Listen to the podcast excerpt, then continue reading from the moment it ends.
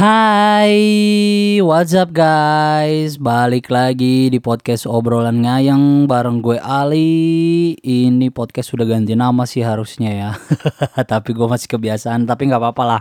Yang penting kalian tahu ini obrolan ngayang dan sekarang podcast pendaki gunung dan kita ini ya cah ngayang. Oke guys, kalau gitu gue Ali uh, masih sendiri di rumah uh, dalam rangka PPKM dan gue mohon maaf ya kalau ada suara-suara yang bocor dan ya ada suara-suara rembes ya kan dari tetangga gue atau kendaraan lewat mohon dimaafkan.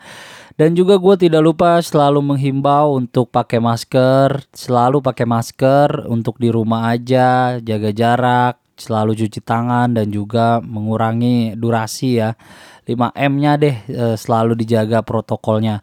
Terus juga gua doakan buat teman-teman semua uh, semoga sehat selalu ya dan juga dalam uh, lindungan Tuhan yang Maha Esa.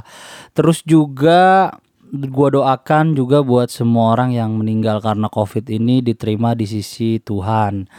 Dan untuk episode kali ini uh, gua mau bawain 10 hal penting ya kan 10 yang esensial asik. The Ten Essentials asik. Bukan Malik and the Essentials ya kan. Ten Essentials uh, jadi 10 hal penting ya kan. Dulu hal penting ini hal penting dalam pendakian ya maksudnya. Eh, uh, 10 hal penting dalam pendakian itu adalah judul dari episode podcast kali ini ya kan. Ke 10 hal penting ini telah berubah dari daftar barang daftar barang menjadi daftar sistem. Jadi kalau dalam istilahnya tuh from list of items become a list of systems ya kan yang digunakan dalam pendakian. Berikut ini adalah 10 sistem yang harus kamu bawa agar bisa tetap aman. Masih aman ya, kategori aman ya, belum nyaman ya ketika berada di luar ruangan, termasuk menghadapi kemungkinan melewati malam di alam bebas. 10 sistem ini harus ada dalam bawaan kalian ketika mendaki, karena hal ini menyangkut keamanan dan keselamatan kalian sendiri selama berada di alam bebas. Apalagi jika kalian adalah pemula dalam kegiatan alam bebas seperti mendaki gunung, gitu guys. Tergantung seberapa lama dan seberapa terpencilnya kamu bepergian.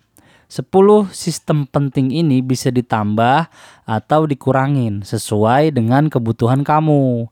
Jadi contohnya kayak misalnya kalian mendaki tektok ya kan, kan eh, nggak e, mungkin dong pasti bawaannya akan berbeda dengan pendakian tiga hari dua malam.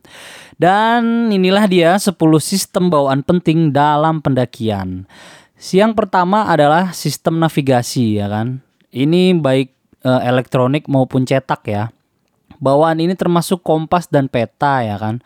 Tapi itu alatnya. Nah, seperti layaknya sebuah alat agar bisa dipergunakan harus ada penggunanya ya kan. Dan penggunanya juga harus cakap ya. Latih dan belajarlah sistem navigasi darat agar kamu bisa menentukan arah dengan peta dan kompas. Hal ini berguna juga kalau kalian eh, amit-amit ya, kalau kalian tersesat gitu.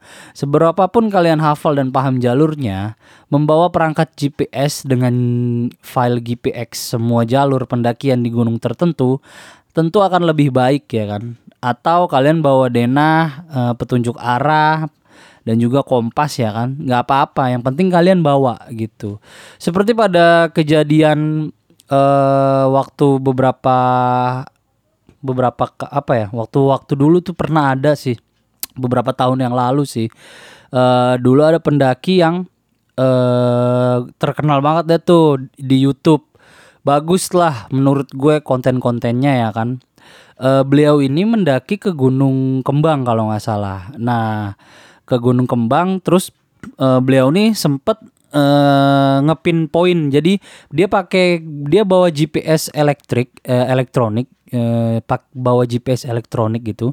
Dia ngepin poin uh, semua jalur yang dia lewatin gitu. Jadi jadi ketika nanti dia nyasar uh, dia bisa track back. Jadi me mendeteksi kembali jalur yang udah pernah dia lewatin jadi dia kembali ke titik awal gitu. Dan ini dia lakukan uh, ketika dia mau lintas jalur Gunung Kembang gitu deh pokoknya. Terus bener kejadian dia nyasar. Terus ketemu kayak bangunan begitu ya kan. Kayak bangunan yang semi permanen gitu dari terpal yang ini dia nggak berani masuk. Di titik itu dia akhirnya putar balik kembali ke jalur yang sebelumnya terus dia turun melalui jalur dia naik gitu. Dan ini penting banget sih kalau sewaktu-waktu kalian nyasar walaupun ada jalan ada jalur ya kan cuma kalian ragu-ragu terus kalian bingung ya kan wah uh, ini ke mana lagi ya? Nah kalian kembali ke titik awal kalian itu. Dan uh, terbukti sih ya uh, di video YouTube-nya si YouTuber ini uh, ini dia memang terbukti itu uh, membawa sistem navigasi itu benar-benar menguntungkan dia. Jadi dia bisa kembali ke jalur pertama kali dia memutuskan untuk pindah jalur. Dia kembali terus dia turun menyusuri jalur pertama kali dia naik. Nah, ini adalah ini adalah kegunaan dan juga keuntungan dari membawa sistem navigasi. Ini 10 masih 10 bawaan penting ya. Ini salah satunya, ini nomor satu ya kan. Uh, mudah-mudahan sih ya ini kayaknya sih bisa jadi part 2 lagi sih kayaknya. Kayaknya terlalu panjang juga sih. Tapi ya mudah-mudahan bisa selesai lah. Oke lanjut ke yang kedua ya kan. Sistem perlindungan matahari. Cuy bawa kanopi aja bos bawa tuh atap ya kan e, gini gini jadi sistem ini mencakup topi kaos berbahan campuran polyester plus katun ya kan berlengan panjang terus kacamata hitam sunglasses asik dan juga krim tabir surya. Cailah, pakai krim tabir surya segala yang, yang SPF berapa tuh ya? Bukan. Jadi karena ya, ini kalian harus bawa sih ya. Maksudnya dalam artian karena di gunung itu kan ada gunung yang rapat vegetasinya, ada gunung yang terbuka. Jadi ke, ketika ber, kalian berjalan di punggungan itu, itu bisa bikin uh, matahari itu kena kena banget ke kalian, ke tubuh kalian gitu. Dan ini uh, bisa beresiko uh, kena serangan panas gitu. Heat stroke namanya. Heat stroke. Jadi heat stroke sorry uh, di gunung. Dan ini beresiko membuat kalian dehidrasi dan pingsan. Nah soal poin hidrasi dehidrasi dan rehidrasi ini akan gue bahas di episode lanjutan berikutnya. Gue akan bahas di episode terpisah karena ini kan masih 10 sistem bawaan penting ya. Dan gue akan buat uh, episode soal hidrasi ini terpisah ya kan. Ini gue janji ya. Dan gue akan gua gua akan buat sih karena gue udah nyusun juga materinya terus uh, beresiko membuat kalian dehidrasi. Jadi lebih baik kalian berjalan dan berlindung di bawah kanopi pohon hutan. Jadi kalau kalian terpaksa berjalan di tempat dengan minim atau tanpa vegetasi sekalipun itu usahakan triknya itu mempersingkat durasinya atau bisa berangkat sebelum matahari terlalu terik summit attack gitu atau bawa payung kecil sebagai kanopi buatan. Nah, ini barang-barang yang harus kalian bawa untuk perlindungan matahari tadi udah gue sebutin ya. Topi, kaos lengan panjang, uh, kacamata sunglass, sunglass ya kan.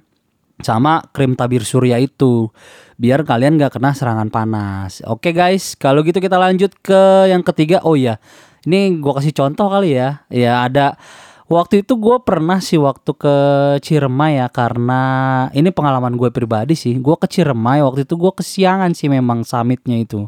Gue dari pos tanjakan Asoy itu harusnya sih memang gue lebih awal sih ya sekitar jam uh, jam 2an lah ini gue jam setengah empat baru mulai summit attack sampai atas itu jam 9 pagi dan itu bener-bener udah panas banget karena nggak ada vegetasi karena namanya di puncak kan. Makin dekat puncak vegetasi makin minim makin jarang. Akhirnya gue kepanasan tuh di situ.